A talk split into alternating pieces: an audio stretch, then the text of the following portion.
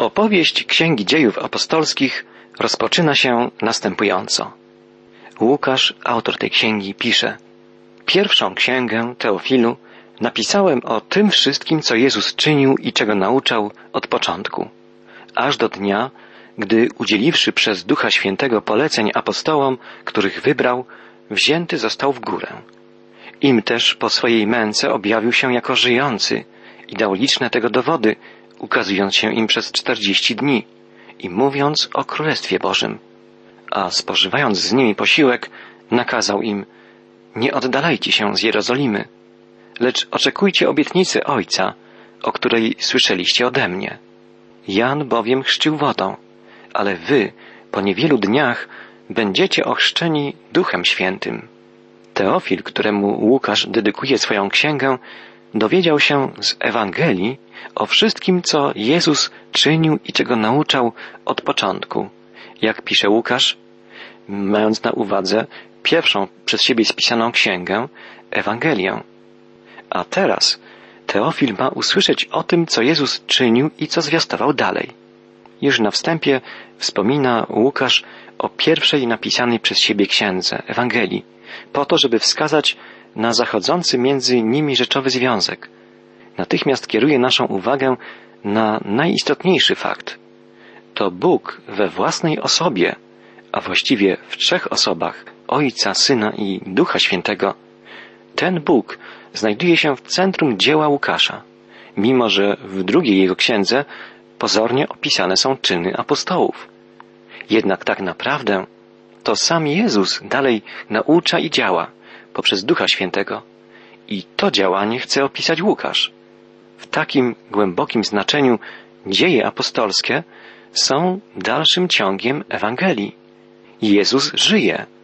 Wynika to niezbicie z treści pierwszych wierszy dziejów apostolskich. Już Ewangelia nie kończyła się tak jak opis każdego ludzkiego życia, nawet życia ludzi wybitnych, wielkich. To jest opisem śmierci i pogrzebu. Ale opowieść o życiu Jezusa kończyła się śmiercią, zmartwychwstaniem i uniesieniem w górę zmartwychwstałego Pana. I o tym teraz Łukasz przypomina. Czytamy w drugim i trzecim wierszu, że Jezus udzielił apostołom poleceń przed swoim odejściem, a wcześniej ukazał się im jako żyjący, zmartwychwstały Pan po swojej męce i ukazywał się im przez czterdzieści dni, dając liczne dowody tego, że żyje. Już na początku służby apostołów, gdy Jezus po raz pierwszy rozesłał ich z określonym zadaniem misyjnym, stało się jasne, do czego powołuje swoich uczniów. Ale wtedy było to zadanie doraźne, ograniczone w swoim zasięgu. Natomiast teraz jest to polecenie nowe, obejmuje cały świat. Zmartwychwstały Pan wprawia w ruch bieg historii, którą obecnie chce opisać Łukasz. Powołanie apostołów podczas ziemskiej działalności Jezusa dopiero teraz nabiera właściwych wymiarów. Również to, czego Jezus nauczał w czasie swej ziemskiej pielgrzymki, teraz staje się bardziej zrozumiałe, bardziej aktualne. Na przykład Jezus wiele razy mówił o zbliżającym się Królestwie Bożym.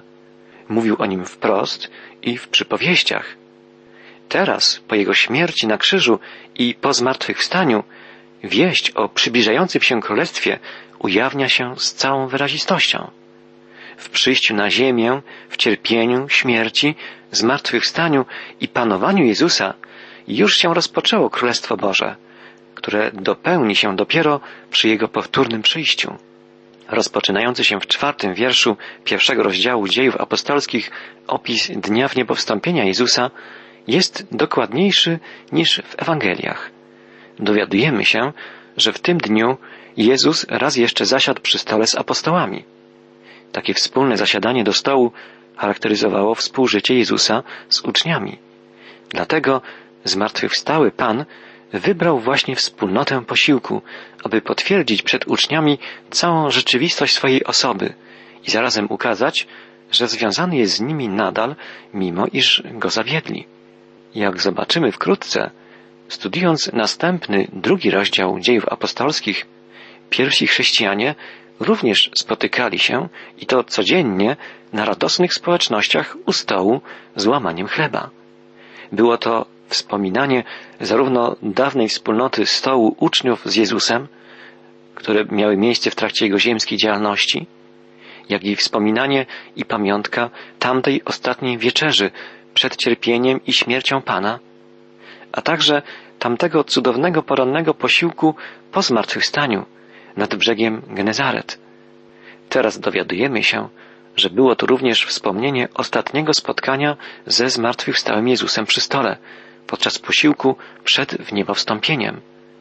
Apostołowie otrzymali wtedy wyraźne polecenie pozostania w Jerozolimie. Byłoby zupełnie zrozumiałe, gdyby uczniowie Jezusa, pochodzący z Galilei, po ostatecznym pożegnaniu się z Panem, powrócili do rodzinnych stron, zwłaszcza, że tam również następowały spotkania ze zmartwychwstałym Chrystusem, jak relacjonują to w swoich Ewangeliach Mateusz i Jan. Co więc zatrzymywało ich jeszcze w Jerozolimie? Jezus zapowiedział im następne wielkie wydarzenie w historii zbawienia, zesłanie Ducha Świętego, nastąpi tu, w Jerozolimie, w stolicy Izraela. Tu też rozpocznie się składanie apostolskiego świadectwa. Jezus przypomina apostołom, oczekujcie obietnicy Ojca. Jezus mówił im o tej obietnicy już wcześniej, jak czytaliśmy na przykład w jedenastym i dwunastym rozdziale Ewangelii Łukasza. Łukasz przypomina też w tym miejscu, na początku swej drugiej księgi biblijnej, słowa Jana Chrzciciela, który zapowiadał Ten, który po mnie idzie, a więc Jezus, chrzcić was będzie Duchem Świętym. Jezus mówi niemal to samo, z tym, że formułuje tę obietnicę w ten sposób, że sam usuwa się w cień, wskazując na Ojca. Jezus mówi, będziecie ochrzczeni Duchem Świętym i mówi, że jest to obietnica Ojca. To jest charakterystyczne. Jezus, pokorny, posłuszny swemu Ojcu Syn, podkreśla, że wszystko dzieje się zgodnie z wolą Ojca, z Jego odwiecznym planem. Jak wielką miłość i jedność panującą między Bogiem Ojcem i Synem widzimy tutaj. I jak wyraźnie widać tu wypełnianie się Bożego planu w działaniu wszystkich trzech osób jedynego żywego Boga, naszego Zbawiciela. Pomyślmy z wdzięcznością i uwielbieniem o naszym niebiańskim Ojcu, o Panu Jezusie Chrystusie i o Duchu Świętym. Apostołowie w odpowiedzi na słowa Jezusa, jak relacjonuje dalej Łukasz, zadają mu pytanie, Panie, czy w tym czasie odbudujesz Królestwo Izraelowi? Pytanie to może nam się wydawać niemądre i chybione, ale gdy pomyślimy nad nim dłużej, musimy uznać, że nie było ono wcale takie nierozsądne. Zastanówmy się, dlaczego by zaraz po Wielkiej Nocy nie miało się zacząć na ziemi tysiącletnie królestwo? Przecież dzieło zbawienia zostało dokonane. Grzech świata zmazany. Śmierci została odebrana moc. Szatan pozbawiony jest władzy. Cała potęga i chwała dana jest Jezusowi. Czyż nie powinna się natychmiast spełnić obietnica królestwa? Zesłanie Ducha Świętego również należy do mesjanicznego czasu, a więc czy wraz z tym zesłaniem nie powinno by nadejść samo królestwo? Musimy więc stwierdzić, że pytanie apostołów było właściwie mądre i w pełni biblijne. Panie, czy w tym czasie odbudujesz królestwo Izraelowi? Nawet to, że apostołowie określają to królestwo jako królestwo obiecane, dane Izraelowi, nie jest błędem. Proroctwa biblijne zapowiadają przecież, że Bóg nie odrzuci swego ludu, który sobie uprzednio upatrzył. Dlatego też w odpowiedzi, jaką Jezus daje apostołom, nie ma ani śladu nagany czy odrzucenia ich oczekiwań. Jezus mówi im jedynie, nie wasza to rzecz znać czasy i chwile, które Ojciec w mocy swojej ustanowił. Czasy i chwile ustanawia sam Bóg. I właśnie teraz wprowadza On zupełnie nowy czas, czas Kościoła. Chce swojemu posłusznemu synowi, po wypełnieniu jego dzieła zbawienia, dać drogocenny podarunek. Podarunek ciała. Kościół ma być ciałem Jezusa.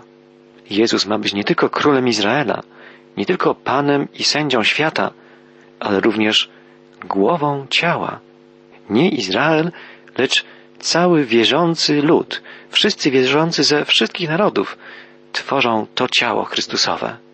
Dlatego zesłanie Ducha Świętego nie oznacza nadejścia Królestwa już teraz, ale zapowiedź, że apostołowie wezmą moc Ducha Świętego, kiedy stąpi na nich i staną się świadkami Jezusa. Misja, ewangelizacja, mająca za zadanie budowanie ciała Chrystusowego, zostaje rozpoczęta. Do tego potrzeba siły, mocy. Nie wystarczy siła rozumu, siła uczucia, siła ludzkiej woli, czy talent krasomówstwa. Moc Ducha Świętego, który stąpi na Was. Tylko dzięki tej mocy można wykonać to ogromne zadanie. I tylko dzięki niej apostołowie będą skutecznie działającymi świadkami Jezusa. Zwróćmy uwagę na dosłowne brzmienie wypowiedzi Jezusa. Nasz Pan nie mówi macie być świadkami, lecz będziecie mi świadkami. To Duch Święty czyni nas świadkami. To On uzdania nas do świadczenia o Jezusie. Duch Święty wprowadza nas w stan faktycznego i skutecznego działania. Duch bowiem oddziaływuje na nas, działa w nas i poprzez nas. Słowo świadek znane jest z sądownictwa. Gdy przesłuchuje się świadków, nie oczekuje się od nich wyrażania własnych opinii ani myśli, tylko oczekuje się, że będą mówić o tym, co widzieli i słyszeli. Takie jest zadanie świadka. I dokładnie to czynią apostołowie. Świadkowie stwierdzają, co wydarzyło się w rzeczywistości. Apostołowie świadczą o tym, co widzieli i słyszeli, co wydarzyło się naprawdę. Ponieważ jednak Boża rzeczywistość wykracza poza obszar i czas świata materialnego, widzialnego, poświadczanie jej tylko przez ludzi nie wystarcza, by przekonać innych. Dopiero moc Ducha Świętego tak uwierzytelnia świadectwo o Jezusie w sumieniach innych, że albo nawracają się, albo sprzeciwiają się wierze, nie mogąc już zaprzeczyć prawdzie. Apostołowie nie otrzymają od ducha nowych, tajemniczych nauk, ale dar skutecznego świadectwa o Jezusie. Spełnią się słowa Jezusa o Duchu Świętym, nauczycielu. Jak zapamiętał Jan, Jezus powiedział o Duchu, nie sam od siebie mówić będzie, ale mnie uwielbi, gdyż z mego weźmie i wam oznajmi. Apostołowie, prowadzeni przez Ducha Świętego, będą zwiastować więc to wszystko, czego nauczał Jezus. Będą przekazywać Jego naukę, Jego prawdę. Będą to czynić w sposób przeszywający serce, bo przejawiać się w tym będzie Boża moc, moc Ducha Chrystusowego. Jest to znamienne, że użyte przez Łukasza greckie słowo oznaczające świadka to martys. Kojarzy nam się ono z martyrologią. I rzeczywiście, trafiające w samo serce świadectwo apostołów doprowadzi ich do męczeństwa i będzie mogło być składane tylko wśród cierpień. Słuchajmy się uważnie w słowa Jezusa zapisane w ósmym wierszu pierwszego rozdziału. Weźmiecie moc Ducha Świętego, kiedy stąpi na was i będziecie mi świadkami w Jerozolimie i w całej Judei i w Samarii i aż po krańce ziemi służba świadczenia będzie się stale rozwijać. Jerozolima, Judea, Samaria, a w końcu cały świat. Przez kilka rozdziałów Łukasz będzie opisywał wydarzenia dziejące się w Jerozolimie. Później przejdzie do wielkiego rozbudzenia w Samarii, a zaraz potem do nawrócenia Pawła, z którym odbędziemy podróżę aż do Rzymu. Słowa aż po krańce ziemi są nawiązaniem do proroczej wizji Izajasza i formułują zawartą w niej Bożą obietnicę. Początek wypełnienia się tej obietnicy przypada, według rozumienia Łukasza, już na ten czas, gdy apostoł Paweł dociera do Rzymu i zwiastuje tam bez przeszkód Ewangelię o Jezusie, Zbawicielu świata. Panowanie Rzymu sięgało przecież wtedy aż po krańce ziemi. Wszystko to nie dokonuje się jednak według jakiejś mądrej strategii misyjnej wymyślonej przez apostołów. Dzieje się to wszystko za sprawą działania samego Boga, który tak kieruje wydarzeniami, że nawet to, co wydaje się być niepowodzeniem czy przeszkodą, staje się cząstką Bożego planu i ułatwieniem w pochodzie Ewangelii przez cały świat. Nie powinniśmy na to, co dzieje apostolskie opisują, patrzeć jak na budującą, ale odległą i zakończoną historię, której możemy się spokojnie przyglądać. Historia ta trwa i wciąga nas w tok wydarzeń. Niezbędne jest nasze aktywne uczestnictwo w tym, co sprawia Duch Święty, także i dzisiaj. Potrzebne są nasze modlitwy, nasze działania, potrzebne jest nasze oddanie i posłuszeństwo. Potrzebne są nasze zdolności i umiejętności. Zgodnie z wizją Boga, krańce Ziemi przesuwają się coraz dalej i dalej. Tym dalej, im rozleglejsza staje się nasza znajomość i poznanie świata. Zgodnie z poleceniem Jezusa, Ewangelia dociera do krańców świata i w jakimś sensie jest to zadanie już wykonane, ale czujemy, że jeszcze nie dokonane, osiągnięte, ale jeszcze nie do końca. Zastanawiając się nad tym, jak szeroko Ewangelia rozprzestrzeniła się po całym świecie, jak wiele egzemplarzy Biblii czy biblijnych audycji radiowych w różnych językach dociera do najbardziej odległych zakątków naszego współczesnego świata, możemy wnioskować, że czasy i chwile, o których mówił Jezus, są już bliskie spełnienia. Jednak pamiętajmy zawsze o tym, że nie naszą jest rzeczą znać owe czasy i chwile, które Bóg Ojciec ustanowił w swojej mocy. Powinniśmy być ciągle gotowi na ponowne przyjście Jezusa. Powinniśmy być stale aktywni, czynni w dziele budowania ciała Chrystusowego, Kościoła Pana Jezusa. Powinniśmy być czynni w dziele świadczenia o Zbawicielu, w służbie zwiastowania Ewangelii słowem i czynem, całym swoim życiem.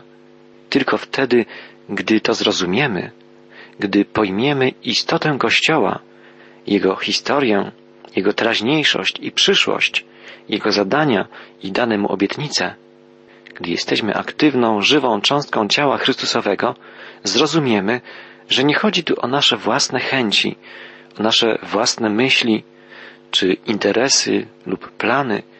Korzenie misji i ewangelizacji osadzone są mocno w słowach samego Pana Jezusa, słowach, które są zarazem nakazem, jak i obietnicą.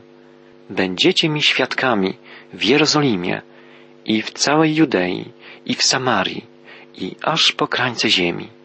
Wydaje się, że dzisiaj, gdy słuchamy słów Jezusa z odległości prawie dwóch tysięcy lat i gdy z tej perspektywy oceniamy wszystkie wydarzenia w dziejach Kościoła i w dziejach człowieka w ogóle, tym bardziej rozumiemy ich sens i ich wagę. Tym wyraźniej widzimy dzisiaj, że nie ma dla ludzkości i całego świata innej szansy, innej możliwości ocalenia, niż uchwycenie się słów Jezusa, otwarcie się na Ewangelię zbawienia, przyjęcie Bożego ratunku. Bóg wyciąga do nas rękę. Jest to żywy, miłujący nas Bóg, Bóg, który objawia się nam w trzech osobach. Objawia się nam jako miłujący Ojciec Niebieski, jako przychodzący do nas i umierający za nas i dla nas, a potem zmartwychwstały Pan, Jezus Chrystus, oraz jako obdarzający nas zrozumieniem Bożych prawd i uzdalniający nas do życia i świadczenia o mocy Ewangelii Duch Święty. Nie zapomnijmy i doświadczajmy tej prawdy, że nasze życie tylko wtedy będzie spełnione, owocne i szczęśliwe, gdy na co dzień będziemy żyć w mocy Bożego Ducha, gdy będziemy pozwalać Mu na nieustanne dokonywanie w nas przemian, poddając się Jego przewodnictwu. Tylko wtedy przeniknie nas Boża prawda, Boża obecność. Tylko wtedy znajdziemy się w centrum dziania się Bożej woli. Tylko wtedy Ewangelia Jezusa i On sam, zmartwychwstały Pan, staną w centrum naszego życia i będziemy nie tylko sami tym się cieszyć, ale dzielić się tą radością z innymi. Módlmy się, drodzy przyjaciele, o siebie nawzajem, by tak się działo w naszym życiu.